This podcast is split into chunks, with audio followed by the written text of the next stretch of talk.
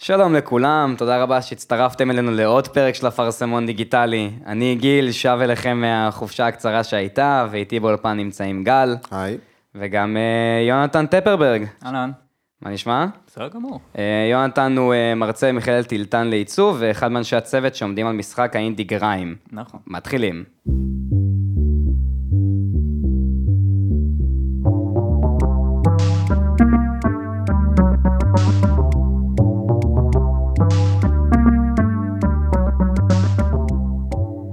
אז היום אנחנו הולכים לדבר על שתי דברים עיקריים.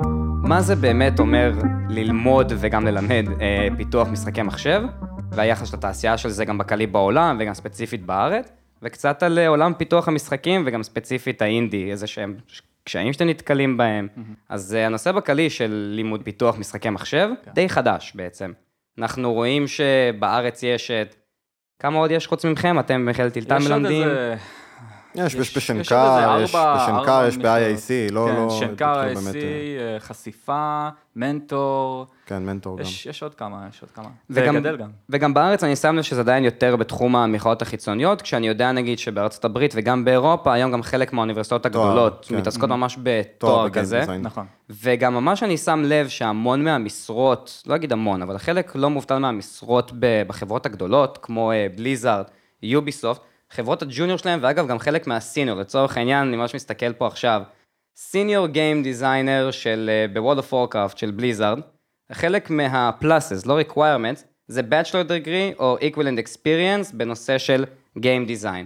אם אני הולך ל concept artist ב FromSoft, אני ממש רואה פה ב qualification, either a graduation certificate from a university בהקשר של Game Design או Concept Art, or 10 years work experience relating to art or graphic design. וזה גם ממשיך ב Ubisoft career ובעוד כל מיני חברות, גם ב Digital Extremes, זו החברה שעושה את Warframe, בעצם הצלחתי גם להסתכל על קצת אה, חברות קטנות יותר. חברות קטנות יותר, למרות שבו נהיים חברה ממש כן, רצינית, כבר- אני חייב לא, להגיד. אבל, אה, אה, ואנחנו רואים שממש יש איזושהי דרישה לאיזשהו תואר ומעבר לרק ניסיון כמו שהיה פעם. נכון, disclaimer מאוד חשוב, עדיין הניסיון הוא באמת הדבר המוביל ובעצם כן. איזשהו מפתח שלפיו אתם בעצם הולכים לשפוט אותך, כמו שגם קורה בעולם התכנות לרוב, בתור סטודנט למדעי המחשב שמנסה להתקבל לכמה משרות, זה אלוהים אדירים, כמה שאכפת להם מניסיון. הבעיה, הבעיה כאן, או לא בדיוק בעיה, הסיטואציה בעצם אומרת כמו כל דבר של, אתה יודע, תואר versus קורס וניסיון, אה, שבסופו של דבר, אם אני אגיע עם תואר ועם תיק עבודות מאוד מרשים, ויגיע מישהו שיש לו רק תיק עבודות מרשים, אז מן הסתם הם ייקחו אותי בתור בן אדם גם עם התואר. אה, זה נותן לך איזשהו אדג' במקרה הזה, אה, כמו, שוב פעם, בכל דבר של תואר versus אה, קורס. למרות שבתור אחד שכן בא מתחום העיצוב, לאו דווקא משחקים אפילו, תיק עבודות וניסיון ולהראות מה אתה שווה בפועל, זה בדרך כלל מתעלה כמעט על הכל. כמה זה נוגע לעולם המשחקים כיום, כנראה שפחות ופחות, כי רואים שהדרישות באמת מאוד גוברות, או לכמות מאוד גדולה של ניסיון, או לתואר, אבל כן בסופו של דבר אני מאמין שלהראות תיק עבודות מוצלח ולהגיד להם, הנה תראו, ישבתי ובניתי בעצמי קונספט ארט למשחקים, בניתי בעצמי, אה, לא יודע, במאי הדברים מגניבים, בניתי בעצמי איזשהו משחק קטן, איזה פרויקט שעבדתי עליו, גם אם לא עבדתי באיזה חברת אינדי או במשך חמש-שש שנים על פיתוח של משחק קטן, להראות מה אני יודע ומה אני שווה, אם אתה טוב, ירצו אותך. כאילו. לא, הד- הדגש פה זה אם אתה טוב. בדיוק. זה- אם אתה מצייר חמש שנים ואתה לא לא, מצייר לא, מי זה יודע לא- מה, זה לא יעזור כל כך. ברור, זאת לא הייתה הכוונה. אתה צריך, כן, אתה צריך באמת להראות שיש לך לצייר זה לא יכולת. מספיק, דרך אגב. זהו, נכון. זה דורש הרבה יותר מסתם לעבוד על משהו כל הזמן. אנשים חושבים practice makes perfect וזה לא נכון. כי אם אתה עושה משהו לא טוב הרבה זמן, כן, אתה פשוט נהיה גם- ממש טוב בלעשות משהו לא טוב. אתה מסגל הרגלים גם לא נכונים. בדיוק, פשוט. נכון. אז אה, זה באמת עניין של גם יכולת. אז באמת, כאילו, בהקשר הזה של, הנה, היום יש כבר מסלולים גם בארץ וגם בעולם, אני חושב שקצת קשה להבין מה זה באמת אומר, אבל, ללמוד משחק מחשב. מה, מה זה באמת אומר? אז אה, יונתן, נשמח שאתה תציג את עצמך, וקצת תספר לנו אה, מה אתה עושה, ואיך זה מתקשר, כאילו, יותר לעולם הזה, ו... ולפרק. קצת בוא ניכנס ל... למה זה ללמוד, איך לא עושים משחק מחשב. אחלה. אה, אז אני יונתן טפרברג, אני מלמד במכללת טילטן בחיפה. אה, במכללה יש לנו גם אה, סטודיו אה, שנמצא תחתיה, שנקרא פאנל, ואנחנו מפתחים בו את Grime, שזה משחק action RPG style Dark Souls בשתיים וחצי מימד, אז כאילו הולכים ימינה שמאלה למעלה למטה. אתה למדת בטילטן? כן. אז הולכים ימינה שמאלה למעלה למטה, אבל כל העולם, כל המודלים והכל זה בתלת. כל הרקעים גם.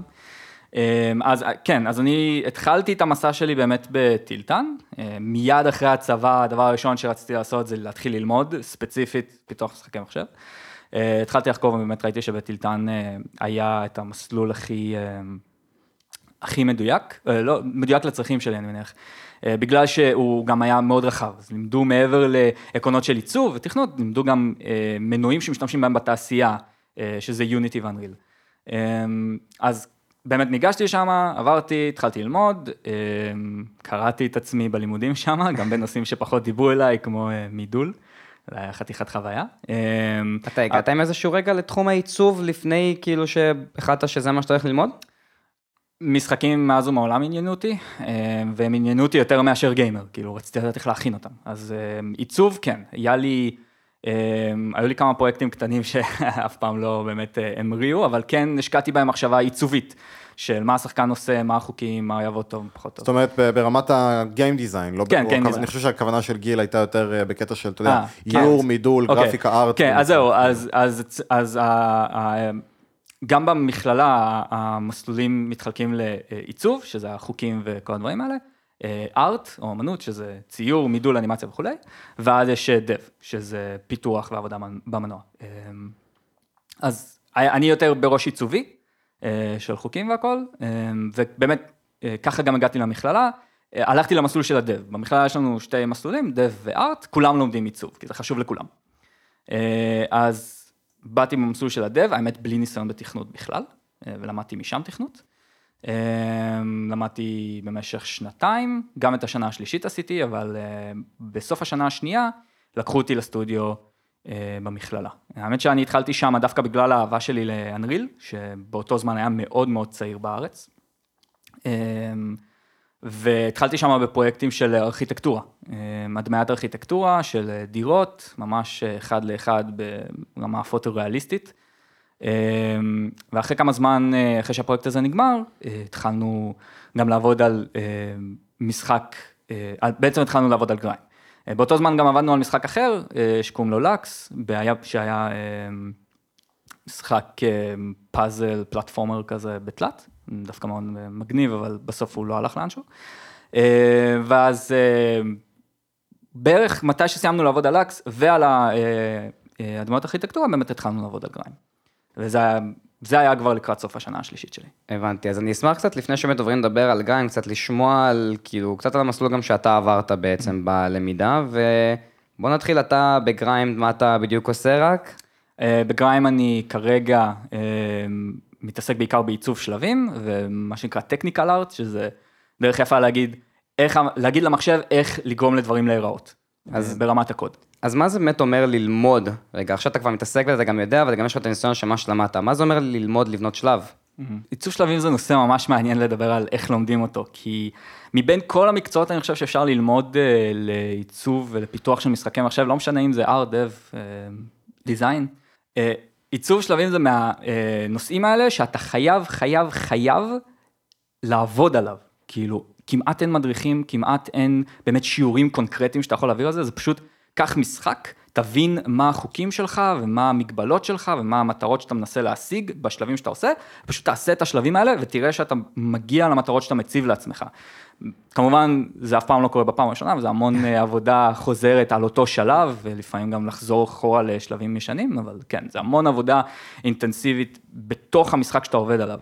אמ, וכתוצאה מכך, אני חושב שזה נושא שהוא, אם מישהו באמת רוצה להיכנס לזה, זה פשוט לקחת משחק וליצור לו שלב. יש המון אה, משחקים שאפשר לעשות להם את זה. כן, בעיקר במשחק כזה שהוא גם על תקן סוג של סייד סקרולר, הייתי אומר, נכון. כי זה 2D, mm-hmm. אז בכלל אה, עיצוב שלבים זה דבר של, הוא גם מאוד ויזואלי, mm-hmm. והוא גם המון עניין של ניסוי וטעייה. Mm-hmm. ובאמת בעיצוב שלבים יש המון פילוסופיה, הבן אדם שעומד מאחורי זה ומעצב כן. את השלבים בעצם, צריך להבין מאוד מאוד טוב מה הוא מנסה להעביר לשחקנים שלו. ואפשר לראות את זה בצורה קצת יותר משעשעת, למשל במשחקים כמו Mario Maker, שאנשים יכולים mm-hmm. ליצור שלבים, כמה אנשים יכולים ללכת רחוק עם היצירתיות שלהם. כן. כי אתה יודע, היום בסופו של דבר, אם אנחנו ניקח משחקים ישנים כמו המריו הישנים, אתה יודע, הכי basic שיכול להיות, השלבים הם מאוד מאוד בסיסיים. ואתה יודע, היום רוב המשחקים מנסים לחדש ולהוסיף המון המון גימיקים בשלבים, או דברים, מכניקות מאולי ז'אנרים אחרים שמשתלבים ביחד עם עיצוב שלבים שלהם. ואיך הכל יוצר איזושהי סינרגיה מאוד מאוד מיוחדת. אה, וזה משהו שלא היית רואה בעבר, והיום אתה כן רואה, ושוב פעם זה מחזיר אותי ל Mario Maker, איזה דברים סופר יצירתיים ומטורפים אנשים עושים שם. של שלבים סופר קשים של דיוק כן. על המילימטר, ושוב פעם, בעיקר בקטע הזה של side scroller, שזה המון המון ניסוי וטעייה, כי אתה לא רואה את השלב קדימה, ואתה תמיד מגיע לאזור מסוים, נכשל, מבין איך המיני פאזל הזה עובד כביכול, mm-hmm. מגיע לשם שוב ומבין איך לעבור אותו. כן, אני חושב, אני חושב שבהחלט יש איזושהי יכולת אה, ודרישה, כאילו, מבן אדם לעשות שלב קשה, זה לא קל. אה, לעשות אותו באמת מאתגר והוגן, זה לא קל. ברור, אני חושב, ברור, אני חושב ברור. אבל שהקסם האמיתי ממריו מייקר, וזה דווקא הדברים שאנשים לא מדברים עליהם, זה השלבים האלה שהם לא בהכרח כאילו סופר קשים, אבל הם נשארים איתך אחר בדיוק, כך. בדיוק, זה נכון. אה, אתה יודע, קשה זה לא הכל, בסופו של דבר אם המשחק נכון. קשה אבל מתסכל ולא, ולא הוגן, אז אין פה כיף. זאת נכון. אומרת, גם אם אני אקח את זה נגיד עכשיו לפלטפורמרים ישנים יותר, לא יודע, סתם דוגמה, ריימן אחד, עכשיו עולה Mm-hmm. לי לראש. אה, זה משחקים שאתה אתה תמות בהם, לא פעם ולא פעמיים, כי אתה צריך ללמוד איך השלב עובד ולזכור אותו, בעיקר אם זה שלבים שעובדים לפי קצב מסוים, Mm-hmm. וזה סוג של מסל ממורי גם. אה, אבל אם המשחק לא הוגן, זה הופך לתסכול, ואתה מת שוב ושוב, ואתה מרגיש שזה כבר לא באשמתך, אז מן הסתם זה לא כיף. זהו, הנ- הנקודה המרכזית פה זה שכשאתה מרגיש שזה לא באשמתך, שהמשחק שם לך רגל, והוא אפילו לא מסביר לך מה הוא עשה. בדיוק. אה, כשאתה מבין מה עשית לא נכון, ואתה יודע איך לגשת עכשיו לאתגר הזה בצורה נכונה, זה, זה ההרגשה שבאמת בן אדם צריך לחוות כשהוא זה, השל... זה, כן, זה השלב הראשון בעצם ב-level design, בדיוק, no pun כן. intended, אה, אבל כן, זה השלב הראשון, ואחרי זה זה באמת לגרום לזה להיות memorable, ואת זה אתה עושה גם בעזרת art, אה, בעזרת מוזיקה, בעזרת כן. כל הדברים שמתחברים. כן, כל, ה- כל המכלול הזה של, שבא יחד עם שלב, כן. אני ספציפית מאוד אה, מתעסק עם ה, מה שנקרא gray boxing של שלב, שזה בעצם המבנה, ה bare bones של השלב, כן, איפה השחקן הולך, איפה הוא קופץ, איפה יש אויבים, איזה אתגרים יש לו, וכולי וכולי. אני כן מתעסק קצת אה, בדברים ארטיסטיים שקשורים למכניקות, נגיד איפה חשוך, או איפה יש איזשהו אה, אה, monument כזה שעוזר לך לזכור איפה אתה בשלב, אז אתה לא מאבד את עצמך כשאתה מתחיל ללכת לכל מיני פינות ופיצולים. אבל מבחינת ה art וכולי, זה כבר הצוות הארטיסטים שלנו שהוא... איך עושים. איך עושים testing לדבר כזה? זאת אומרת, אני מניח שכרגע ה testing אצלכם הוא עדיין הוא internal, פנימי, כן, כן, פנימי פנימי. לחלוטין. עקרונית זה פשוט להביא אנשים שלא ראו את השלב, לתת להם לשחק. אה, בגלל שאני זה שבונה את השלב, אז יש לי עוד ארבעה אנשים שאני יכול ללכת אליהם ולהגיד להם, היי, תשב רגע, בוא תשחק. זה אנשים ספציפיים, או שזה אנשים שאתם מכוונים שאלו יהיו השחקנים של המשחק? כאילו, כן. אני אשאל את זה אחרת, זה אנשים כאילו כלליים שלא בהכרח קשורים לז'אנר הזה, או היו משחקים במשחק הזה, או אנשים שאתה יודע שאליהם אתה מכוון את המשחק? אז, אז העיצובים הראשונים שאני עושה הם, הם בעיקר לחברי הסטודיו. אז אני פשוט לוקח את המתכנת שלנו, את הארטיסט, פשוט אומר לו בוא שנייה, תשב, בוא תשחק. אמ, מתקן מה שעובד, מה שלא עובד, עובר על כולם, אה, רואה שהשלב אה, באמת עובד כמו שאני רוצה שהוא יעבוד, אה, ושהוא מרגיש טוב, ואז אנחנו ממשיכים הלאה. עקרונית, מבחינת בדיקות של קהל יעד, ואנשים שבכלל לא מכירים את המשחק ולא שיחקו בו, זה משהו שאנחנו עדיין לא עשינו כל כך, בגלל שאנחנו עדיין, אנחנו רוצים לעשות את זה בתזמון נכון, כלומר שאנחנו הולכים לאדם אחד ואנחנו בודקים הרבה דברים, במקום כן. לבדוק משהו קטן. מן הסתם, כי אתה צריך גם לראות שיש איזושהי קוהרנטיות פה. כן, בדיוק. אמ, ואז אנחנו ניגשים לזה. מבחינת מי שאנחנו מחפשים זה בעיקר אנשים שהם, בקבוצה הזאת של אנשים שאוהבים Dark Souls. או, או במקרה הזה גם, אני חושב, Shovel Knights הייתי אומר, ואולי כן. אפילו Hollow Knight. כן. Hollow Knight. Hollow אה, Knight נראה לי ממש מתאים. כן, אה, אחד. ההשראות שלנו גם כן, כן. אז אנשים שאוהבים את כל ה- את כל הז'אנר הזה של Metroidvania, של Dark Souls, Ori and the Blind Forest, למרות כן. שהוא קל יותר, אבל כן. אז אלה בעצם האנשים שאנחנו מחפשים כשאנחנו אה, רוצים לבדוק את השלב. ומה בעצם עם שאר הדברים שאתם עובדים עליהם כשאתם מעצבים משחק? שוב, מאוד אשמח לשמוע יותר על עולם הלמידה בעצם. מה גם אתה למדת? כאילו, מה זה אומר באמת ללמוד עיצוב משחק? אה, עיצוב משחק זה, זה הרבה דברים, אה, זה מה, ש, זה, זה מה שמאוד מגניב ב- בתעשייה הזאת. יש הרבה דרכים להיכנס אליה. הרבה דרכים. זהו, כי אתה, אתה חושב על עיצוב אה, משחק, אז זה לא רק להבין איך המשחק עובד, זה גם להבין איך השחקן עובד. אז זה פסיכולוגיה, זה להבין איך אני גורם לבן אדם ללכת לאן שאני רוצה שהוא ילך, מבלי שהוא יבין שאני אומר לו את זה. זה גם להבין את החוקיות של משחקים בכלל, מה, מה עובד טוב, מה עובד פחות טוב, מה עושים בדרך כלל במשחקים בסגנונות מסוימים. להיצמד לז'אנרים זה קצת מלכודת, כי ככה אתה נשאר מאוד פורמיולייק וכזה מאוד תקוע בתוך איזושהי מסגרת של חוקים שהיא לא בהכרח אמורה להג- להגביל אותך. אבל זה כן עניין של להבין מה בעצם גורם לשחקן ליהנות, ומה... מה... אתה לפן- לכיף אין מדד אמפירי, זאת אומרת, אנשים אין מדד יכולים אמפירי, ליהנות אבל מ- אתה תתפלא, אבל יש, יש דרכים, יש דרכים נכונות יותר לגרום לבן אדם ליהנות. כן, זה, זה מתקשר גם לזה שאנחנו הרבה פעמים אומרים שלפעמים גם השחקנים לא יודעים בעצמם מה נכון, עושה להם מה הם טוב. רוצים. אז כאילו- נכון, זה, זה מנטליות שהיא מאוד, אה, היא מאוד חזקה כשאתה מעצב משחק. כאילו, כשמעריצים אומרים לך, אה, אנחנו רוצים שתעשה באף לזה, נרף לזה, זה לא בהכרח באמת מה שהם רוצים. אה, זה צריך להסתכל פנימה יותר ולהבין מה, מה באמת גורם להם. זהו, הרבה. פעמים הם רוצים פשוט שהדמות הזאת תוכל לבצע דברים מסוימים בצורה יותר נכונה, והם חושבים שהדרך להגיע לשם זה באף, אבל אתה אומר לעצמך, לא, אולי הדרך זה דווקא לעשות נרף למשהו אחר. נכון, ב- בעצם. זהו, ב- במשחקים, במיוחד משחקים גדולים כמו מובוט למיניהם, ליג אוף לג'אנס, או MMOs כמו פאנל פנטזי נגיד, שבמקרה דיברנו עליו. אמ, כל שינוי קטן כזה שאתה אומר, אני אתן לו באף, אני אעלה לו את זה ב-5%. אז ה-5% האלה, נגיד העליתי לו את החיים ב-5%. אז ה-5% האלה זה בדיוק מספיק בשביל שאיזשהו אולטימט עכשיו לא יהרוג אותו, וזה אומר שהוא יוציא, יכול להוציא עכשיו עוד מתקפות, ועכשיו פתאום כל המערכת מתחילה לקרוס סביב זה. כן. אז כל השינויים המאוד קטנים האלה, הם הרבה יותר גדולים ממה שאנשים לפעמים חושבים.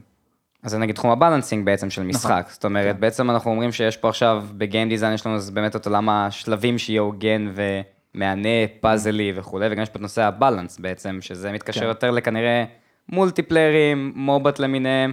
כן, אבל גם, אבל גם בסינגלים, גם בסינגל, כן, בטח. דווקא multiplayer. אפילו, אפילו אם ניקח אה, משחקים כמו הסגנון שאנחנו עובדים עליו, כמו Dark Souls. balance של, יש את ה balance הברור של אה, HP, של כמה נזק אני עושה במכה, של אה, כמה נזק אני חוסם כשאני מרים מגן וכולי. אבל יש גם דברים שהם קצת מתחת לפני השטח, נגיד, מה הסיכוי שאייטם ייפול מאויב שאני הורג? מה הסיכוי שכשאני פוגע במישהו זה יהיה critical hit וכמה אחוז נזק זה באמת עושה? אה, מה, כמה, מה האורך של ה-i-frames שלי כשאני מתגלגל? כמה זמן אני בלתי פגיע כשאני מתגלגל? כל הדברים המאוד קטנים האלה שהם, לפעמים מדובר בהבדלים של 5%, 10% או עוד frame אחד, עוד frame פחות. אבל זה המון, זה game זה המון, changer. זה המון, וזה המון ניסוי וטעייה, והמון גם, פה נכנס העניין של ניסיון. כמה שאתה יותר מנוסה, ככה יותר, אה, יותר הסיכוי גדל שאתה עושה את ההחלטות הנכונות מוקדם יותר. אתה עושה פחות טעויות בדרך. זאת אומרת, אתה אומר אה, לשחק הרבה משחקים ולצבור את. הניסיון, זה חשוב. בטח, בטח, תמיד, תמיד, גם בזמן שאתה מפתח, לשים עין על השוק, לא רק על מה שיש עכשיו, אלא גם לאן הוא הולך. כי זה שאנחנו עובדים על משחק עכשיו זה מאוד מגניב, אבל הוא יוצא עוד הרבה זמן. אה, ואיך השוק ייראה עד אז, זה כבר לא יהיה כמו השוק שיש לנו היום. כן, זה מאוד הגיוני סך הכל, זה בדיוק אה, כמו שסופר יקרא הרבה ספרים, או נכון. אומן ילך להרבה תערוכות אומנות, כי שוב פעם, אתה צריך לספוג ידע, אתה צריך לספוג אה, ניסיון גם של פרויקטים אחרים, ולהתפתח מזה. בטח, אה, גם, גם ספציפית אם אתה הולך לפיתוח של משחקים, אני חושב שזה נכון גם לכל מקצוע, אם אתה הופך ליצרן במקום צרכן, זה מעבר ללצרוך, זה גם להבין איך יצרו. אז במקרה שלי לדוגמה, אם נחזור רגע לעניין הזה של level design, שאמרתי שקצת קשה לי ללמוד אותו, אין כל כך שיעורים, אה, אני חיפשתי שמיים וארץ מדריכים ל-level design, באמת, how to level design, הדרך הכי טובה. זה פשוט לשחק, להבין בעצמך איך הדברים האלה נכון, ולבנות. בדיוק, אז לשחק. לשחק, לבנות, אבל יש פה גם את העניין הזה של לקחת את הידע של האנשים שעצרו את השלב הזה. אז אתה יכול לצבור את הידע הזה, בהמון מקרים אתה צובר את הידע הזה מזה שאתה משחק. אתה מבין, אה אוקיי, הם שמו את האויב הזה פה בגלל שאני לא שם לב אליו, בדיוק אני מרים את האייטם והוא נופל לי על הראש. סבבה, אבל יש גם דברים שמתחת לפני השטח, קלאסיק דארק סולס. כן. באתי להגיד, זה ממש מזכיר את השלב בסקירו, שיש את ה... שאתה הולך שם על הגג, ופתאום יש את המפלצת שצורחת ומגיעה או, מהאוויר, ופשוט כאילו. הורגת אותך. אוי וזה. כאילו בדיוק, פשוט כאילו מיקום מושלם שהם... הם ידעו בשלב הזה שזה הולך לעשות סרטוני יוטיוב וואי, זה היה- compilation. זה היה המים הכי גדול של המשחק הזה, כן. זה היה מדהים. אתה יודע מה אנחנו מדברים? אה, אני לא חושב שהגעתי לשם. לא. יש שם קטע מאוחר יותר, שאתה מגיע, spoilers, אני מצטער, כל מי שעוד לא הגיע לשם ומתכנן לשחק מהמאזינים, אה, אבל כשאתה מגיע לאשינה castle, אה, יש שם קטע שאתה פשוט עולה, כזה הולך על הגג, ויש כמו נינג'ות כאלה שנמצאים על עפיפונים ממש גבוה. עכשיו, זה בדיוק כשהשמש מסנוורת, ואתה לא רואה את זה. אתה פשוט ממשיך ללכת על הגג, ופתאום אתה שומע מרחוק כזה, ואז אתה רואה פשוט נינג'ה עף עליך במיליון קמ"ש כזה מהשמיים, נכנס בך והורג אותך בוואן שוט. זה היה מדהים, זה הפך למים מטורף. מים באינטרנט בכללי, כאילו הסאונד הזה, שמעתי אותו בעוד הרבה. מקומות אחרים אחר כך. סופר משעשע. אז, כן, אז מעבר לה, להבנה הזאת של, אה, הם שמו אותו פה בגלל שהש, שהשמש מסנוורת אותי ואני לא יכול לראות, זה גם עניין של איך בכלל ניגשים ל-level design, ופה יש את המאגרי הידע האדירים האלה של בלוגים ושל uh, סרטונים של GDC, Game Developers Conference, ששם המפתחים פשוט באים ומסבירים איך עשו את המשחק שלהם. ו...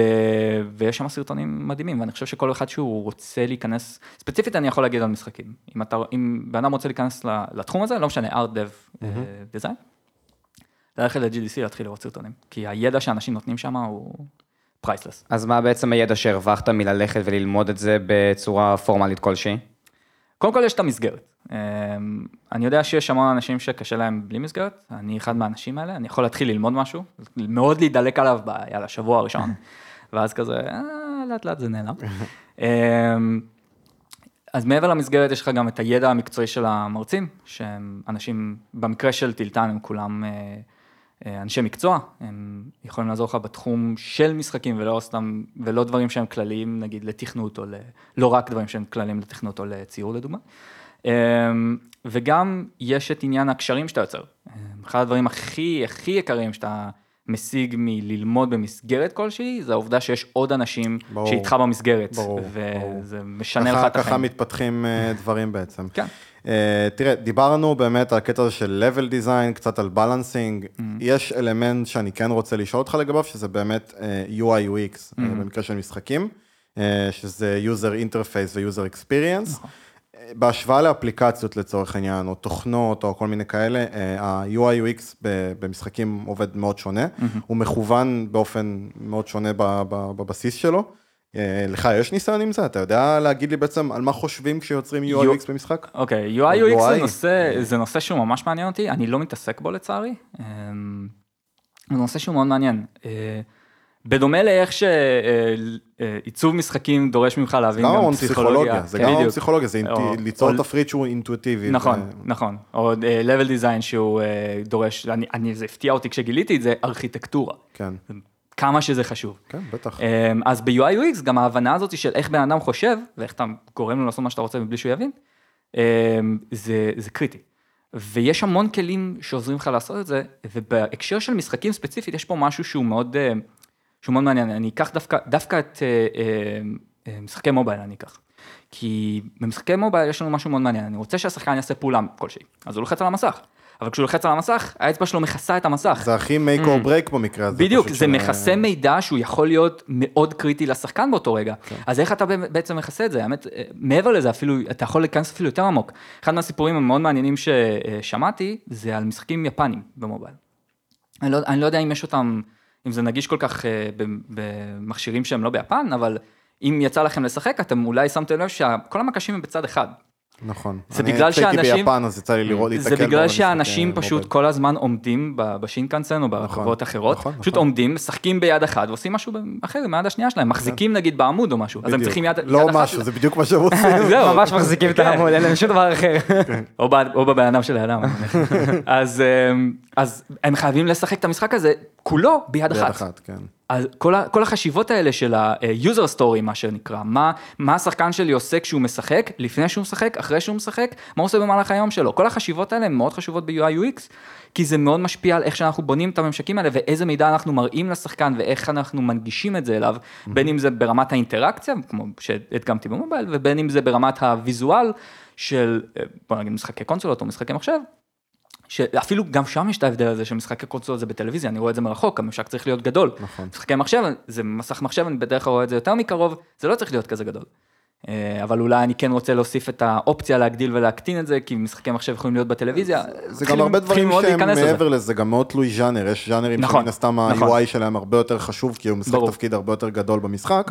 אה, וזה הרבה יותר חשוב שהוא י- ייעשה בצורה מאוד אינטואיטיבית ונוחה לשימוש. אני חושב שאנשים גם קצת לא תמיד נותנים מספיק קרדיט לדבר הזה, כמה שזה, יודע, קצת אה, כזה בורח לנו מתחת לעין, ואנחנו לא שמים לב לזה, אבל זה משהו שהוא כל כך... זה התפקיד של UI טוב, לא? זהו, זה חלק אינטגרלי, שאתה פתאום כאילו, אתה תיקח משחק, שפתאום ה-UI שלו סופר גרוע, אתה ממש תרגיש את זה. אתה תרגיש את זה. אתה תבין שזה זה משהו שם לא עובד. זה מאוד דומה למוזיקה. אם המוזיקה עושה עבודה טובה, אתה לא תשים לב אליה.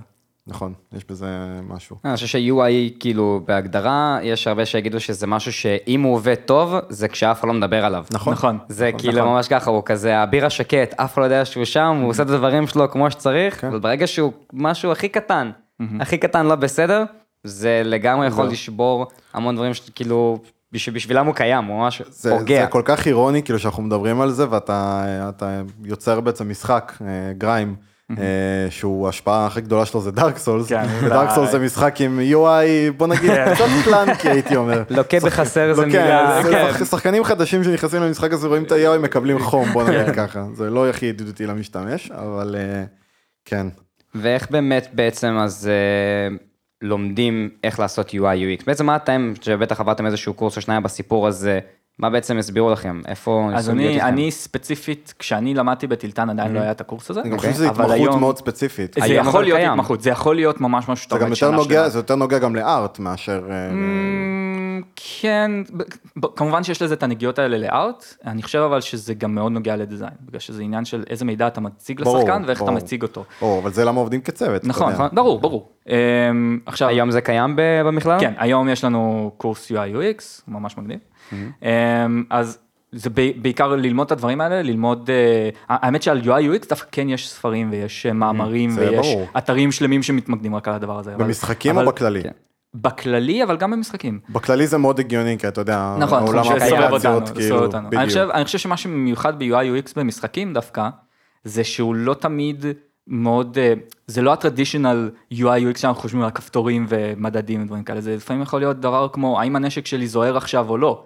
האם הדמות שלי פצועה, אם יש לי אדום כזה מסביב למסך, כן, ברור. כל זה זה UI UX, ברור, פשוט ברור. זה מאוד מאוד חלק מהמשחק, וזה מה שהופך משחקים לכל כך, לדברים כאלה קסומים בעיניי, שאתה יכול לעשות, להעביר לבן אדם כל כך הרבה מידע, וזה לא מוציא אותו מהאימרסיה הזאת של אני עכשיו קרייטוס ואני עכשיו הולך לפרק כמה אלים. זו האומנות.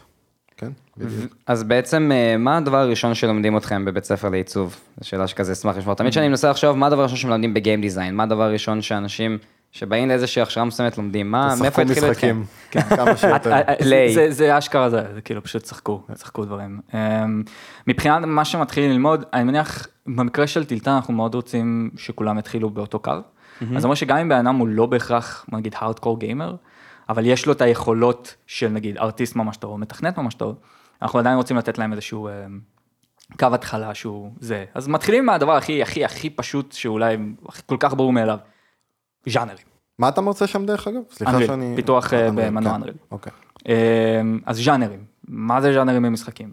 אה, איך, אה, איך אני בכלל יכול אה, ללמוד מה, מהז'אנרים האלה, מה מאפיין אותם, מה מאפיין משחק אפילו בדבר, ב- באופנים שאולי קצת לא חושבים עליהם, כמו מה זווית המצלמה, מה יכולות תנועה שלי, דברים כאלה.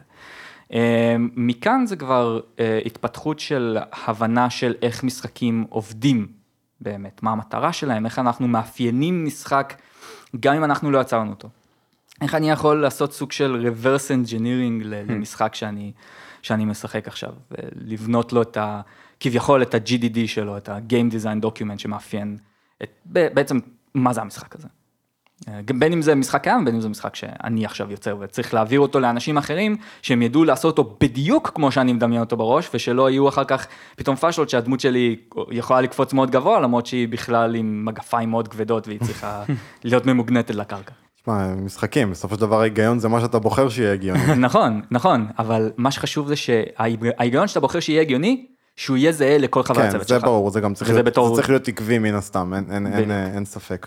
אה, מעניין אותי לדעת, עוד פעם בהקשר הזה, ואני חושב שזה גם יהיה הדבר האחרון שנדבר נדבר עליו בהקשר הזה של, אתה יודע, אלמנטים אה, בעיצוב משחקים, הקטע הזה של עלילה וסיפור, אה, משחקים שהם אה, story oriented, מה זה בעצם אומר לכתוב סיפור שמותאם למשחק, לעומת לכתוב סיפור לסדרה או לסרט לצורך העניין. אתה צריך לשמור פה על איזושהי קוהרנטיות, אתה רוצה לכתוב משחק שהסיפור שלו מאוד מושך וגורם לשחקנים להרגיש רילייטבל ולקשור אותם למשחק. אה, איך עושים את זה וכמה זה שונה מסדרה או סרט? אה, אני לא כותב במקצועי, אבל אני יכול להגיד מ... בתור אחד בתור- שבסרט, בתור אחד- כן. אה, בתור אחד שהוא מעבר לזה שמפתח משחק, אפילו בתור אחד שמשחק המון משחקים. בדיוק. אה, עצם העובדה שאתה השחקן ואתה מחליט את ההחלטות האלה, יש לזה השפעה משמעותית על הסיפור, כי זה כבר לא משהו שהוא ליניארי. אני לא מסתכל מהצד ורואה את הגיבור נלחם ונאבק וזה. כן. יש יש מצב שאני מפסיד בתור הגיבור. ויש משחקים של, שאתה יודע, עוצרים פה ואומרים Game Over, תתחיל מחדש, ויש משחקים כמו Heavy Rain ו-Detroit Become Human, שאתה יכול להפסיד, הדמות הראשית שלך יכולה למות, והמשחק ממשיך. כן. וזה, זה אני חושב כלי מדהים במשחקים. אה, עכשיו, מעבר לזה, בתור, מבחינת סיפור, כן, אנחנו עוד לא יודעים איך המוות יעבוד ב-Death Stranding, זה זה השאלה. אלוהים אדירים. אה, מה אנחנו כן יודעים על המשחק הזה? well, זה דיון לפרק אחר. שקוג'ימה עושה אותו, וגם זה אני כבר לא יודע. אלוהים. יודע בשלב הזה מה קורה. אני יודע שיהיה טוב. כנראה, אפשר לקוות. אמ, אז מעבר לזה ש... אתה יודע, המשחק יכול להמשיך או לא, או לא להמשיך, זה גם עניין של מה השחקן חווה בתור הדמות שהוא משחק בה, בין אם היא ראשית או בין אם היא איזשהו omnipotent being ששולט עכשיו בארבעה חיילים ושולח אותם להילחם בחייזרים או משהו. זה- זה כן, אבל נכנסים לפה עוד אלמנטים, אתה יודע, יש פה גם את הקטע הזה של דיבוב אה, וכתיבת דיאלוגים. אה, זה- נכון, זה אבל משהו זה, שהוא... זה, כבר, זה כבר ספרותי, זה כבר עניין של, אמ, אתה יודע, איך, איך אתה כותב סיפור טוב. לא, ברור לי, אני פשוט, אני? פשוט שו- תוהה כאילו, אתה יודע, במסגרת הלימודים בטילטן, בסופו של דבר זה גם משהו שאתה- שכ game designer אתה Mm-hmm. שואף לדעת, כי אם עכשיו אני רוצה להחליט שאני בתור game designer, כמו שאתה הולך אה, אה, מעצב אה, שלבים, אני רוצה לכתוב את הסיפור, אני רוצה לכתוב את הדיאלוגים, אני רוצה Mm-hmm. לעשות את כל העניין הזה של כתיבה. אז אז זה משהו שכאילו הוא כן ילמד כחלק מה, או שזה משהו שאתה יודע, בדרך כלל לוקחים outsourcing לזה, או איזשהו סופר, או אמ, מישהו ש... זה, זה משתנה. אמ, בוא נגיד בטילטן, אני חושב שיש לנו קורס לסיפור, ל story writing, אני חושב. כי פשוט הוספנו איזה 12 קורסים חדשים, אני לא יודע מה, וואו. מה כולם, אה, אה, מה קורה בהם.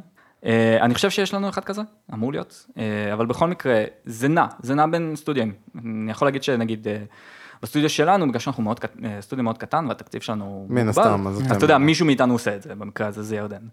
מה תפקידו בכוח? אה, הוא, בקשר הוא? ה producer של המשחק, אוקיי. אה, הוא גם concept artist, הוא גם אנימטור, הוא גם- אוקיי. level artist, אז הוא מקשט את כל השלבים, הוא עושה הרבה- דברים, כולנו עושים המון, דברים. אה, אז כן, אז, אז אתה יודע, מישהו עושה את זה, והבן אדם שעושה את זה, מ- מתוקף תפקידו, אה, צריך לחקור את הנושא וללמוד איך עושים אותו נכון, אה, וזה משהו שכמובן ירדן עשה במקרה הזה. אה, מבחינת אם אתה לוקח את זה outsourcing, זה לחלוטין אפשרי, אני חושב. לא, גם הרבה אתה- חברות אתה יכול גדולות עושות, לעשות- כן. נכון, הרבה חברות גדולות עושות את זה, נכון, נכון, כאילו נכון. גם קצת back and forth, אני יכול לקחת את בליזרד כדוגמה למשל, אה, שהם, קריס מצן כתב להם את הסיפור של וורקראפט, בוורקראפט 1, 2, 3, חלק of Warcraft, אה, ומה שקרה זה פשוט שהתחילו לצאת novelים, ספרים על ה- על ה- נכון. על הסיפור של המשחק, שכתבה קריסטי גולדן, וכיום הם מעסיקים אותה ככותבת למשחק, שזה קצת משעשע, כי היא כתבה את הספרים על בסיס הסיפור שהם כתבו בהתחלה.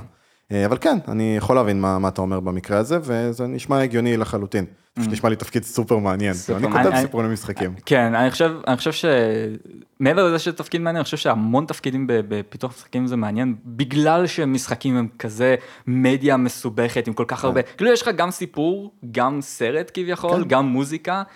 יש לך את הכל בפנים, כן. and then some, אז זה ממש מגניב כאילו בעיניי להגיד שאתה כשאתה עושה משחק. RPG נגיד, אתה צריך להגיד, להבין שיש איזשהו קו עלילתי מסוים שקורה, אבל יש עולם שלם מסביב כן, שאתה גם lore. בונה אותו נכון, במקביל, נכון. שאתה גם צריך להבין שאם הדמות שלך אתה בוחר שהיא לא תבחר ללכת ב- בדרך הזאת, זה לא יפגע בח- זה לא יפגע בחוויה. נכון, אם, אם אתה בוחר לתת את האופציה הזאת, כן, בסופו של דבר זו החלטה שלך בתור מעצב. כן, אם אתה אומר שיש side quest, ואני. אומר שהם מטורפים, אבל אני מחליט שאני צריך גם לדעת שמצד אחד הם חייבים להיות ממש טובים, אבל שאם זה לא קורה, שזה לא פוגע במי שהחליט לא לעשות את ה side quest נכון, הזה. כן, זה, כן, זה כבר, זה, זה שוב, כבר עוד איזושהי דוגמה, intertwine כזה של- בדיוק, של כל ה- הדברים, ה- או- השילוב הזה, השילוב הזה בין כל כך הידיים הרבה, שקורות כן, פה באולפן. כול- כולנו עושים את זה, השילוב הזה בין כל כך הרבה נושאים שונים, שפשוט נכנסים אחד בשני, בלי לשים לב, זה כל כך אחד בתוך השני כזה, שזה, זה מדהים, בגלל זה זה מדהים, באמת זה- אה, תחום שכל אחד יכול למצוא בו עיסוק, אה, לא משנה כמעט מה אתה עושה בקטע הזה של יצירה, אה, כתיבה, תכנות, עיצוב, גרפיקה, הכל כאילו באמת נכנס לזה, וזה יש- המון. מקצועות שיכולות להיכנס לזה, כן, כן. שאפשר להיכנס לזה.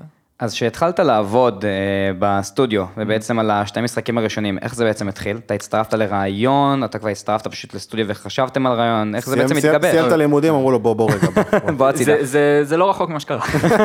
בוא'נה, אני מככב היום. כן, לא, אתה, אתה ממש קורא אותי. אמ, אז כן, אז בסוף השנה השנייה, אמ, לקחו אותי כזה לשיחה, אמרו לי, תשמע, אתה עושה עבודה ממש טובה, אנחנו רוצים אותך בסטודיו. אה, התלהבתי. אה, וכשאני אומר התלהבתי, אני פשוט ישבתי שם בהלם ולא. אה, אבל כן, כמובן שהסכמתי, מהר מאוד עברתי גם לחיפה בגלל זה. והאמת שנכנסתי לשם דווקא לא בשביל אה, משחקים, אלא בשביל, בסופו של דבר משחקים, אבל במקור נכנסתי בשביל הדמיות הארכיטקטורה האלה. באותו זמן עבדנו על לקס. עכשיו לקס, בגלל שאני נכנסתי אליו באמצע, אז אני לא יכול להגיד לכם ממש איך התחיל הפיתוח ואיך התחילה החשבה על הרעיון. מה שהבנתי, מנהלת הסטודיו באותו זמן, היא, היה לה את הרעיון הסיפורי, אה, ואני חושב חלק מהמכניקות, אה, ואז חלק, ואז שאר הדברים בעצם באו מהצוות בצורה שהיא יחסית אורגנית, בין אם זה הארט, בין אם זה היה, אה, חלק מהמכניקות שלנו. אה, לגבי גריים, גריים זה סיפור מגניב, כי הרבה דברים הסתיימו באותה תקופה. אה, סיימנו, את, אה, סיימנו לעבוד על לקס, החלטנו שאנחנו מפסיקים לעבוד עליו.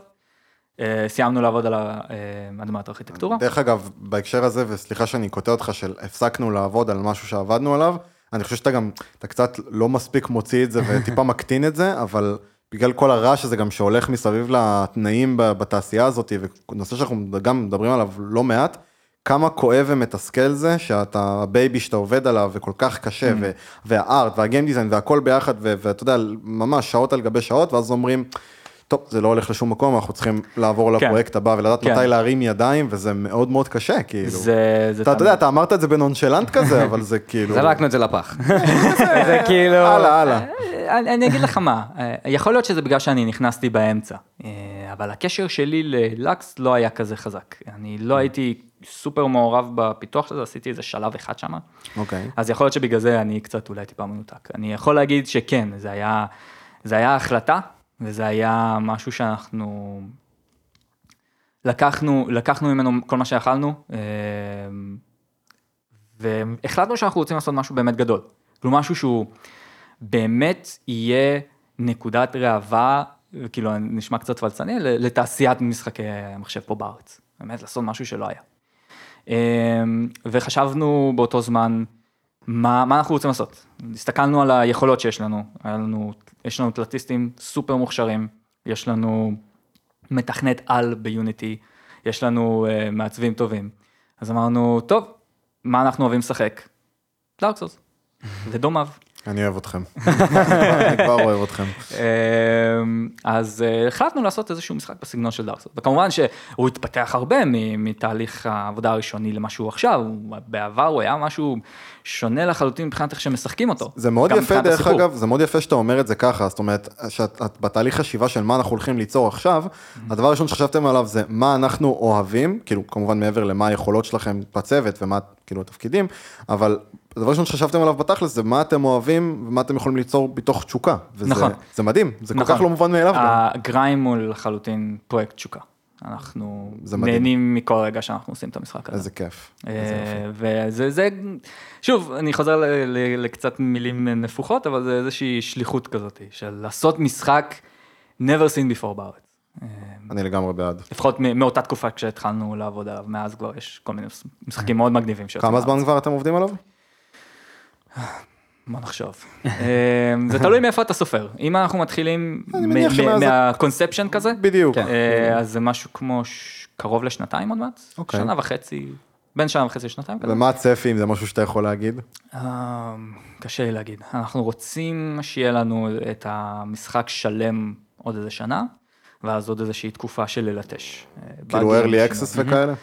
לא יודע לגבי early access, כי early access למשחק שהוא single player, שיש, שיש לו גם סיפור ויש לו כל מיני revealים מאוד גדולים, זה קצת, זה קצת באסה אם אתה משחק במשחק כן. הזה, כשהוא לא כמו שהוא אמור להיות. האמת ש-Hades אה, עושים את זה, הם roguelike, כזה טיפה הרעיון שאתה בעצם, אתה לא באמת מסיים, אתה תמיד אה, מת חוזר שוב, אבל כן אפשר בגדול כאילו לסיים אותו, והם פשוט כן. מוציאים את הפרקים שלהם כל פעם, ועושים שינויים בהתאם, סתם אומר, זה דווקא די נפוץ בעולם האינדי. נכון, שאתה כן נכון. מוציא ומשחרר בעצם עוד תוכן ממש ברמה כזאת. גם מעבר לזה, early access הוא לא רק חשיפה למשחק, נכון. זה גם תקציבית זה גם טוב תקציבי, לצוות, נכון, מן הסתם. נכון, אז זה משהו שאנחנו, זה לחלוטין משהו שאנחנו חושבים עליו, פשוט העניין הוא שמשחק כזה, כאילו אנחנו, אם אנחנו הולכים להוציא אותו ב-early access, הוא יצא כשהוא שלם. כלומר, כשיש כן, לנו כן. את ההתחלה, אמצע וסוף. הגיוני. וזה אומר שאנשים יגיעו להתחלה, אמצע וסוף הזה, בוא נגיד יסיימו את המשחק, ואז המשחק יוצא מ-early access, ומה הם פספסו? הם פספסו תיקוני באגים בעיקר, ו- ואולי, אולי כמה פיצ'רים קטנים ואולי איזה שלב פה ושם. אבל זה אומר בעצם שהם חווים את המשחק בצורה שהיא לא מיטבית, וזה משהו שהוא אחר כך ממשיך הלאה, כי אם עכשיו, אם אני קניתי את גריים ב-early access, ואני סיימתי את גריים, ווואלה נהניתי, אבל יש כל, יש כל מיני באגים ויש מוזרויות וזה, וחבר שלי שואל אותי מה, מה אני חושב על גריים, וואלה לא יודע אחי, לא... יש יותר מדי באגים וזה, לא... כאילו משחק מגניב, אבל אני לא יודע אם הייתי ממליץ עליו. וגם אחרי שהוא יוצא מ-early access, עדיין אנשים יש להם את האנקר הזה כן. של החוויה הראשונית. אה, זה סכין קצת דו-כיווני, כי אתה זה, יודע, זה דו-כיווני, וכן, בטח שיש את היתרונות, ובטח שאנחנו חושבים עליהם, כרגע הכיוון שלנו זה לא ללכת ל-early access, לך תדע, אולי זה ישתנה. בולד מוב, מעניין. אז בעצם אה, אמרתם, אנחנו נהנים לשחק Dark Souls, ואיך זה התפתח משם? זה תמיד היה אגב side scroll 2 and a half dimensions, או שבהתחלה חשבתם על משהו אחר אפילו? כן, אה, זה תמיד היה 2.5D, אה, בעיקר בגלל, שוב, שיש לנו תלתיסטים מוכשרים, וגם בגלל שלקס היה תלת מימד לגמרי. ולפחות מהצד של המתכנת שלנו, לתכנת את זה היה קטסטרופה. זה היה סיפור מהסרטים. אז אם אנחנו יורדים מימד, זה יותר קל. ספוילרים זה לא יותר קל, אבל אה, אה, זה כן היה באותו זמן, חשבנו שזה יהיה יותר, יהיה יותר קל לנו לגשת לזה. ויש אזורים כמובן שזה יותר פשוט, אבל כשאתה כבר מתחיל לפתח את המשחק ואתה מגיע למימדים כמו, כמו המשחק שלנו, אה, עם כל כך הרבה מכניקות ו- ושלבים ואויבים ו- ואייטמים ודברים, זה, אתה יודע, האתגר בא מכשלעצמו. אז זה מגניב, כי בעצם אתה אומר שהיה לכם רעיון למשחק, ואז בכלל מהמתכנת הבנתם שהכיוון שאתם צריכים ללכת אליו הוא ללכת לאיזשהו כיוון מסוים. זאת אומרת, איך בתור בן אדם אחד שנמצא בצוות, הכל צריך באיזשהו מקום לקבל שיפט, מעבודה כן. בסטודיו למשחק תלת-ממדי, בכלל עברתם ל... בצוותים קטנים, אתה כן, יודע, אתה בצוותים צריך קטנים. לעבוד עם מה בצוותים שיש. קטנים שאנחנו, ברור. אנחנו גם קבוצה מאוד אדוקה, אנחנו מאוד, אה, חברים מאוד טובים אחד של השני, אז מאוד קל לנו לנהל את הדיונים האלה. אה, אני גם בטוח, דרך אגב, שזה ישתקף במשחק, אין לי ספק. ברור. אני, מאוד מקווה, כן. אה, אז, כן, אז אה, דווקא אחד מהשיפטים המאוד גדולים שחשבנו לעשות בסוף לא עשינו אותו, זה אולי לעבור לאנריל. כי אנריל מציע לך יכולות גרפיות משוגעות. וגם הוא, יש לך את הבלופרינטס שאתה יכול בעצם לתכנת דברים בצורה ויזואלית, אז בן אדם כמוני, שהוא לא מתכנת, יכול לעשות לך מכניקות שלמות, אה, וזה מאוד מגניב. אבל uh, המתכנת שלנו פיודור הוא תותח על ביוניטי, ולמעשה הוא סוחב את כל הפרויקט, את כל התכנות של הפרויקט הזה על גבו. Uh, עד היום, ו, וזו החלטה שהחלטנו באותו רגע, ואנחנו נשארים איתה כמובן, וזו החלטה שהיא עובדת. ובעצם מה באמת אז החלוקת אחריות בצוות קטן, כי אתם חמישה אנשים, נכון שעובדים בסך הכל המשחק, כשאנחנו יודעים שמשחקים ברמה הזאת, אה, חלקם גם עובדים בצוותים יותר גדולים, נשמח קצת לשמוע על ה... איך אתם מחלקים ביניכם, כמה אתה נגיד גורר שאתה בכלל נגרר למחוזות אחרים ממה שאתה מתעסק בו. זה בעיקר לפי, לפי מה שאנחנו עובדים עליו ומה המטרות שלנו. אז עקרונית יש לנו את אה, ירדן, שהוא הפרודוסר, אז הוא מנהל את כל המטלות של כולם, הוא, יש לו overview מאוד רחב של איפה אנחנו עכשיו, איפה אנחנו הולכים להיות בקרוב, לאן אנחנו רוצים להגיע בסוף.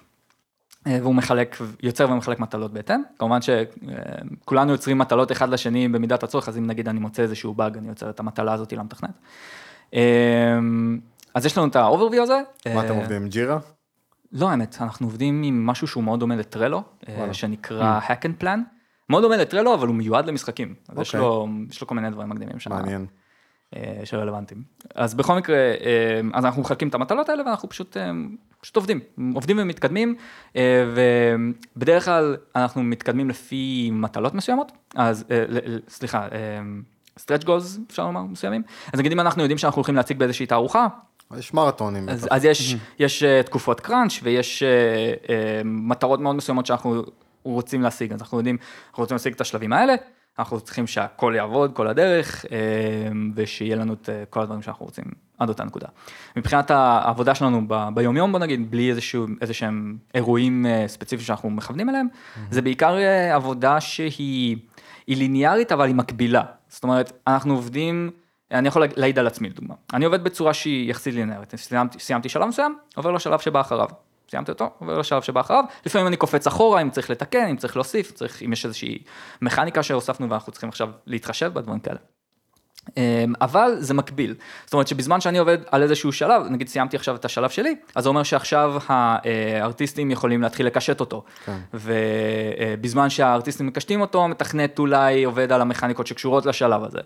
וכך הלאה, אז זה תמיד כזה back and forth בין תכנים, אבל העבודה היא בסופו של דבר תמיד מתקדמת קדימה. כן, זה סיר, סירקולציה בעצם כן. של, אה, של product, אה, שבעצם עובר בין המחלקות השונות, זה לא בדיוק כן. מחלקות, כי זה צוות קטן. זה- זהו, אנשים. אבל אה, כן, יש פה תוצר שפשוט עובר, וכל אחד מוסיף את החתימה שלו עליו. נכון, זה, זה נכון, מדהים, נכון. זה ממש יפה כאילו לשמוע כל, כל שלב זה. שאתה נכנס, אתה יכול לראות, כאילו, אני יכול להגיד לך מי עשה מה, וזה וזה מגניב. גם את הטעויות. גם לא, אתה- אני לוקח את את זה הטעויות. עליי, אני לוקח את הדברים האלה עליי בעיקר, אה, אבל כן, כאילו, אה, אפשר אפשר לראות, אתה יודע, בתור בן אדם שהוא בתוך הצוות, אפשר לראות מי עשה מה, אה, וזה משתקף. אם דיברנו מקודם על outsourcing של storytelling, וקצת גם באמת על הקטע הזה של early access, מעניין אותי אתם בתור צוות קטן, איך אתם מתכננים מבחינה תקציבית לשווק את המשחק? אתה יודע, אתה, לא שאני פוסל, חס וחלילה, אני הכי רוצה בעולם שזה יצליח ויהיה מדהים, אבל אתה מהלל את זה בתור, אנחנו מנסים לעשות פרויקט שלא נעשה בארץ מעולם, איך אתם מתמודדים עם העניין הזה של תקציב? בסופו של דבר זו חברה קטנה, אתה יודע, דארק סולס נוצר על ידי פרום סופט, זו חברה ענקית עם כן. ים של ים תקציב ש- ומשאבים. ים כאילו- אנשים, ים, אה, ים תקציב. כן. בדיוק. אמ, אנחנו, אמ, יש לנו את המזל שאנחנו נמצאים תחת המכללה, שזה אומר שבעצם המכ- המכללה סוג של מממנת אותנו. אוקיי. אז מבחינת תקציבים של משכורות וזה, זה בא משם. כמובן שזה לא, אתה יודע, זה לא נדבות פה. אה, בסופו של דבר אנחנו צריכים למצוא דרכים לממן את עצמנו ואנחנו עובדים על הדרכים האלה. אה, מבחינת אה, פרסום של המשחק, חקרנו את הנושא הזה through and through, ואנחנו ניגשים לזה בסוג של פרסום גרילה כזה. אז יש לנו את העמוד פייסבוק שלנו, טוויטר, אינסטגרם, מעלים לשם תכנים. כרגע אנחנו בסוג של hiatus, אבל אה, אנחנו מתכוונים לעלות בקרוב האמת, אה, תכנים חדשים. אה, אז אנחנו מעלים את התכנים לשם, אבל בסופו של דבר כשאתה מפרסם, אתה רוצה ללכת לאיפה שהלקוחות שלך נמצאים. בדיוק. וזה שיש לי המון אנשים בפייסבוק זה נחמד, אבל לא כולם מעניין אותם משחקים או Grime ספציפית. אז אנחנו הולכים לאנשים שיכול לעניין אותם Grime. ספציפית מה שאנחנו עושים, אנחנו הולכים לרדיט בעיקר. וברדיט יש כל מיני subreddits כמו indie gaming, כמו gaming, כמו Unity 3D, whatever, ששם נמצאים אנשים שהפרסום שלנו, של המשחק שלנו שמה, זה איכותי, הם אנשים שבהכרח התעניינו במשחק שלנו, וזה, and it shows. אה, לפני ש- חודשיים, חודשיים שלושה, העלינו פוסט ל-R gaming, של גיף של 12 שניות של gameplay על המשחק שלנו. תוך 4 שעות, וואו, אני לא אשכח את זה, תוך 4 שעות הגענו ל-40 אלף upvotes. וואו. Yep, 40 אלף upvotes, כל פעם שאני עושה refresh זה עוד 200. אה, בטח אתה לא יכול להפסיק בשלב הזה, כן. אתה פשוט על ה refresh. אתה על ה refresh. ארבעה אנשים על אני- מחשב, אני ופשוט refresh. אני וירדן. אני וירדן. ישבנו על אותו account, ופשוט התחלנו להגיב לאנשים, עשינו את ה... פה למדנו, עשינו את הטעות של לא לשתף בגיף עצמו איך אפשר לעקוב אחרי המשחק. רשמנו את זה ב comments ולך תדע איפה זה נקבר. אז, אה, אז התחלנו להגיב לאנשים מה השם של המשחק, מה, מה אנחנו עושים, איפה אפשר למה גיף לעקוב וזה. ולא סרטון יוטיוב, דרך אגב? בגלל סתם? שזה לא תופס. אנשים לא מעניין אותם סרטונים ארוכים כל כך. אם זה לא משחק שהם מכירים, זה לא מעניין אותם סרטונים ארוכים. אוקיי. הם רוצים משהו קצר סתם לעניין. אנקדוטה, עניין אותי. כן, כן, אה, לגיטימי. אה, הם רוצים משהו קצר לעניין, שתופס אותם מיד ומחזיק אותם עד הסוף. ולהחזיק אנשים עד הסוף הרבה זמן זה קשה, אז להחזיק אותם 12 שניות זה אחלה. אה, 10, 12, אפילו 6 שניות. אה, התחלנו להגיב שמה אה, על המשחק, על איפה אפשר לעקוב וזה, ואז בשתיים לפנות בוקר, אין פוסט. האדמינים פשוט מחקו את הפוסט כי הוא עבר על אחד מהחוקים. באמת. עכשיו, הם מצאו את זה כאילו אחרי איזה 4-5 שעות, אז כאילו זה היה ממש מבאס. רצינו לראות את זה. עכשיו, זה לא נגמר פה, זה מצחיק. אמ, יום אחרי מה זה, היה החוק שהפוסט עבר עליו? אה, ה account שהשתמשנו בו הוא account פרסומי, quote unquote. כי יותר מ-10% מהפוסטים שלו הם לקידום מוצר מסוים. היי. Whatever. סתם אנטישמים. כן, זהו, זה- זה- זה מה שאנחנו אמרנו. אה, אז- אז זה לא נגמר פה האמת, זה זה היה מצחיק. יום אחרי, אני מגיע לסטודיו, אה, אתה יודע, כולנו כזה מדברים, מתלהבים על הפוסט וזה, קיבלנו גם גולד ודברים וזה. והתבאסנו על זה שהוא מת ונמחק. אה, F in the chat. ואז כאילו, בדיוק, ואז, ואז כזה, אתה יודע, אנחנו עובדים וזה, ופתאום אני מקבל הודעה בלינקדאין, מאיזה בחור שהכרתי באיזה כנס ולא דיברתי איתו מלא זמן. הוא אומר לי, וואו, ראיתי את הפוסט שלכם ב 9GAG, ממש כל הכבוד שהוא הגיע ל front page. מה? בדיוק. מה? מה? אז אני כאילו ב fucking שוק. אני נכנס כאילו ל 9GAG, פוסט ראשון, לא, שני. זה הגיף שלנו, שמישהו אחר העלה. וואו. ואנחנו בפאניקה מתחילים להגיב לאנשים, אה, זה, זה, תיכנסו ל- ל- ל- ל- לעמוד פייסבוק שלנו וזה, זה לא, זה לא הבן אדם האמיתי, טה-טה-טה, בסוף הפוסט נמחק. אה, גם כן, אני לא זוכר בדיוק למה האמת, אני לא זוכר במאה אחוז, ניסינו להעלות אותו מחדש, הקישור אה, אה, היה blacklisted. וואו. וואי. היה זה. אבל למדנו מזה, למדנו ש... עם כל זה שאנחנו, אנחנו בתור האנשי צוות בסטודיו מאוד אוהבים את רדיט ואנחנו נמצאים ברדיט וכתוצאה מכך אנחנו משערים שהאנשים שמתעניינים במשחק שלנו גם נמצאים שם כן. וזה נכון. הקטע זה שהם נמצאים גם במקומות אחרים, כמו 9gag. אמ, אז הוספנו את זה לרשימת הפוסטים הגדולים שלנו. בהמשך הדרך. פורצ'אן, אני אגיד כן, אבל אני לא יודע כמה זה יהיה חכם לפרסם שם. בהקשר הזה, סליחה גיל, בהקשר הזה אני פשוט רוצה, כי הוא הזכיר את הקטע הזה של כנסים והבחור מלינקדאין, אני מניח שאתם גם הולכים לכנסים. נכון. יצא לכם להיות בכנסים בחו"ל? להציג בחו"ל? אה, כן, כמה פעמים. אה, יצא לנו להציג בלונדון, ב-Casual Connect, יצא לנו להציג ב- אה, ביוון, אתנס גיימס קונפרנס, לפני כמה חודשים. אה, הצגנו גם את המשחק בכל מיני מקומות אחרים בחו"ל, כזה בקטנה, היה לנו משלחת של המכללה, יש לנו משלחות מדי פעם לחו"ל, אוקיי. אז אה, היה לנו משלחת לפינלנד. זה היה מדהים שם. Nice. אני התאהבתי במדינה הזאת אישית. אה, והצגנו את המשחק האמת ב Frozenbyte אני חושב. הם עשו את Trine. Frostbite?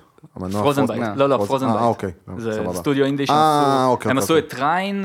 חשבתי פשוט על המנוע של... הם עשו עוד איזה עוד כמה משחקים אני לא זוכר את השם שלהם. אה, אז הצגנו את זה שמה והיה לו כזה מסך וזה זה היה ממש מגניב. אה, כן אז הצגנו את זה בכל מיני כנסים אנחנו כרגע באיזשהו מה הפידבקים שקיבלתם?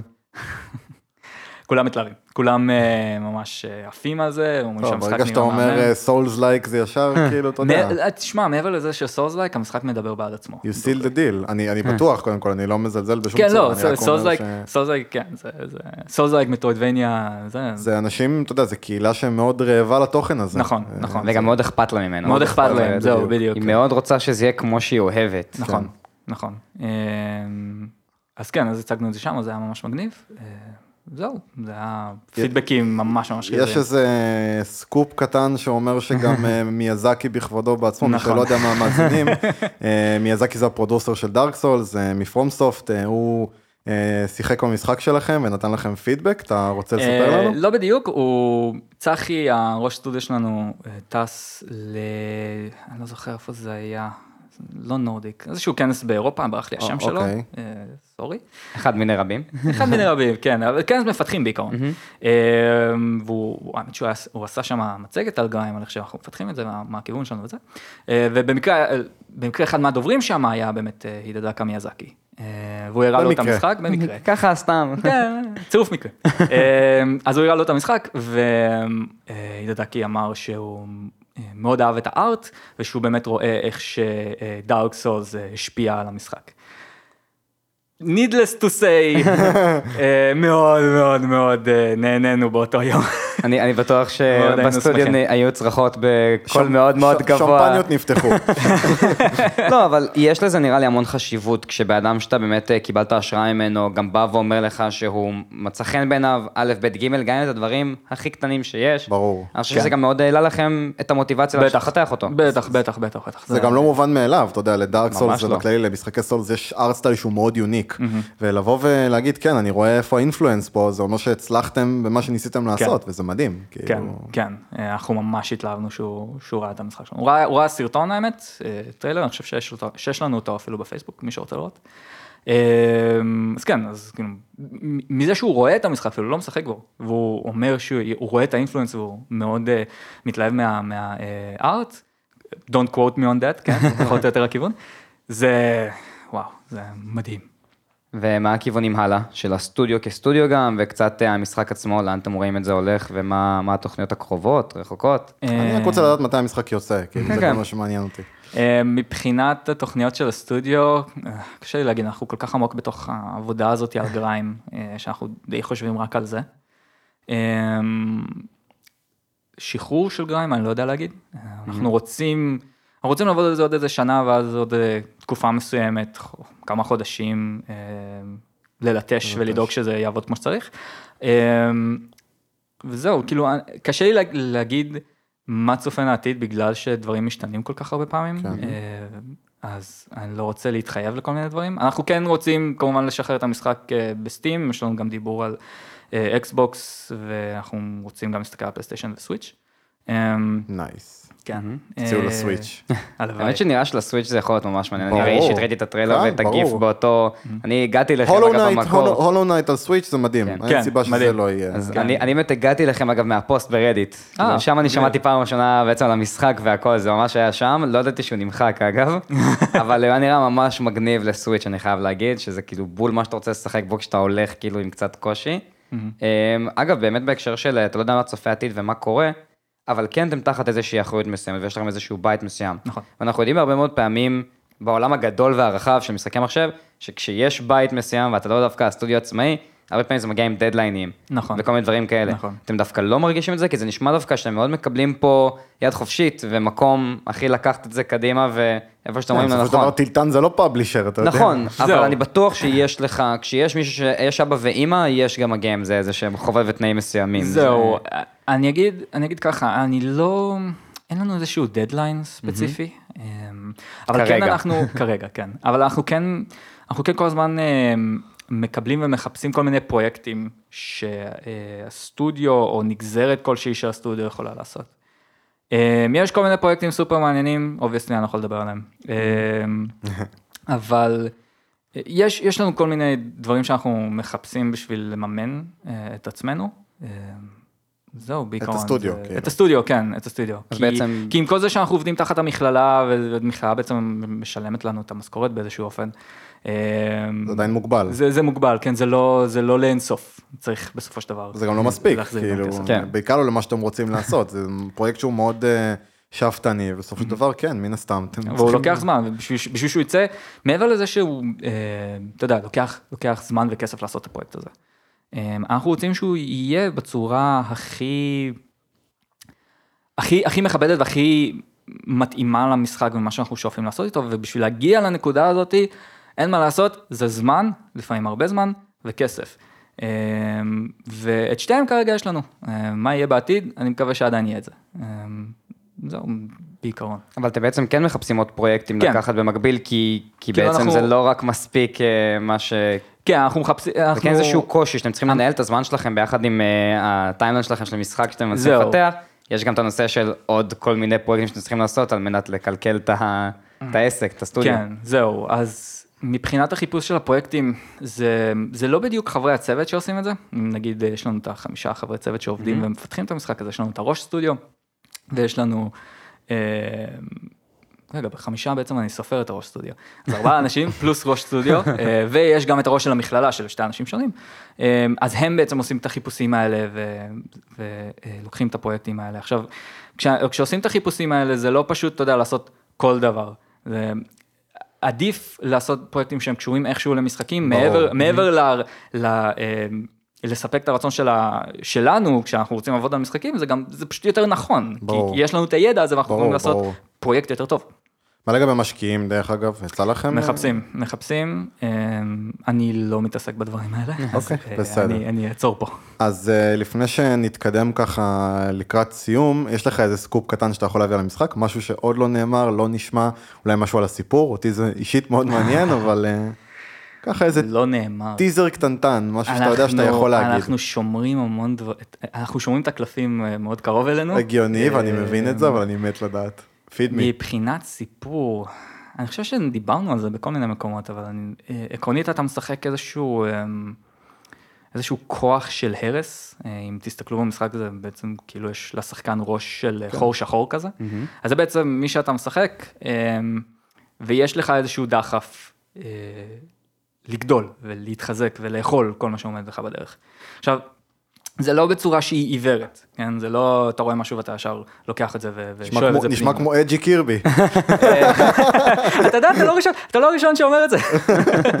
אמ, אז כן, אז זה לא, זה לא בצורה שהיא אה, אמ, כזאת אטומה, שאני רואה משהו ואני רואה איזושהי דמות ואני ישר הורג אותה. יש פה איזושהי רמה של אינטליגנטיות של להגיע, לנצל כביכול אה, אה, דמויות ומקומות ומקרים. כדי לקדם את עצמך, אז יהיו NPCs שאתה מדבר איתם, ויהיו, אני לא יודע אם להגיד בדיוק, בדיוק side קווסטים, אבל אולי איזה שהם side אה, אה, אה, פרויקט, לא בדיוק, אה, סי- side גישות כאלה למטלות מסוימות או להשיג אייטמים מסוימים.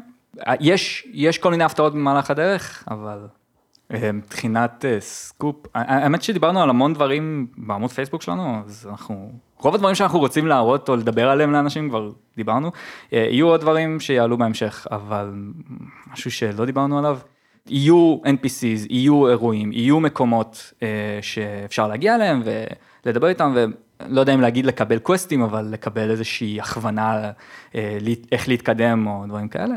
אה, ובסופו של דבר כן, המטרה, המטרה של הדמות כביכול זה באמת לגדול ולהיות כמה שיותר אימתנית ועוצמתית. אה, איך זה קורה, מה קורה בדרך, איזה הפתעות יש בדרך, זה כבר צריך לשחק בשביל לראות. על הסיפור אתה לא תוכל להגיד לי. על הסיפור אני לא יכול להגיד כלום. אוף, פאסה. זה או שתחכו לשחק או שתחכו לראות סטרים אה, של מי שמשחק בשאיפה. אוקיי, טוב, אז באמת ככה, לפני שנסיים, יש משהו שתוכל להגיד למאזינים, איזשהו טיפ. למישהו שמתעניין להיכנס לעולם הזה, בין אם זה אה, בתחום העיצובי, בין אם זה אה, בתחום הגרפי, תכנות, לא יודע, כל בן אדם שרוצה להתחיל באמת להתעסק בפיתוח משחקים, להיכנס אה, לתעשייה הזאת. בתור אחד שכבר נכנס ועבר את הלימודים, מה, מה, מה הטיפ שלך, מה הדברים שאתה היית אומר שאנשים כאלו צריכים לדבוק בהם כדי באמת להגיע לזה? קודם כל, למצוא את הפאשן. אני, אני באמת מאמין שבן אדם לא צריך לעבוד במשהו בגלל שזה, נגיד, משלם הרבה או משהו כזה. תעבוד במה שאתה אוהב. כי אם אתה עובד במשהו שאתה אוהב, אז מעבר לזה שאתה שמח ביום יום ואתה נהנה ללכת לעבודה שלך, אתה גם עובד יותר טוב. אמ, אז באמת, קודם כל, להיות בטוחים עם עצמכם שאתם רוצים ליצור משחק ולא רק לשחק, כי יש הבדל שמיים וארץ בין הדברים האלה. ברור. אמ, וזה גם אה, להבין במה אתה טוב. אה, לפעמים זה מאוד ברור לאנשים, אני יודע לתכנת אז אני אלך לשם. אה, לפעמים זה לא כל כך ברור, אז באמת לחפש את הנקודות האלה. לך זה היה ברור אגב? אה, כן, דיזיין, תמיד, תמיד. אז למצוא את הנקודות האלה ש, שאתם חזקים בהם ולהתמקד בהם ולהשתפר ולא להפסיק לעבוד וללמוד. שזה אומר, אם אני עכשיו בתור דיזיינר, אז אני במהלך, לצורך העניין, במהלך הלימודים שלי, עשיתי מעבר למטלות שאמרו לי לעשות, עשיתי עוד שלושה משחקי קופסה, אה, שתי GDDs, אה, שזה Game Design Document, אה, ועוד כל מיני דברים קטנים כאלה, פה ושם כזה. זה תמיד לעבוד על הדברים האלה ולחזק את היכולות, וללמוד, שזה אומר לא להתחיל לחשוב עכשיו שעכשיו עכשיו שאני יודע או עובד בזה אז אני יודע הכל תמיד לכבד אנשים ללמוד לחפש מאיפה ללמוד לקרוא ספרים לצפות בהרצאות לקרוא פודקאסטים. בלוגים לשמוע פודקאסטים. אה, תמיד תמיד תמיד לעשות את הדברים האלה ולא לעצור לרגע כי אנשים אחרים לא עוצרים לרגע. מה לגבי אנשים שהם הם, הם עוד לא מצאו את הנישה שלהם בעולם הזה, הם יודעים שהם רוצים לעסוק בזה, ב- ב- לפתח משחק, אבל הם לא יודעים לאיזה נישה ללכת, אם גרפיקה, עיצוב mm. שלבים, ידה ידה. זה...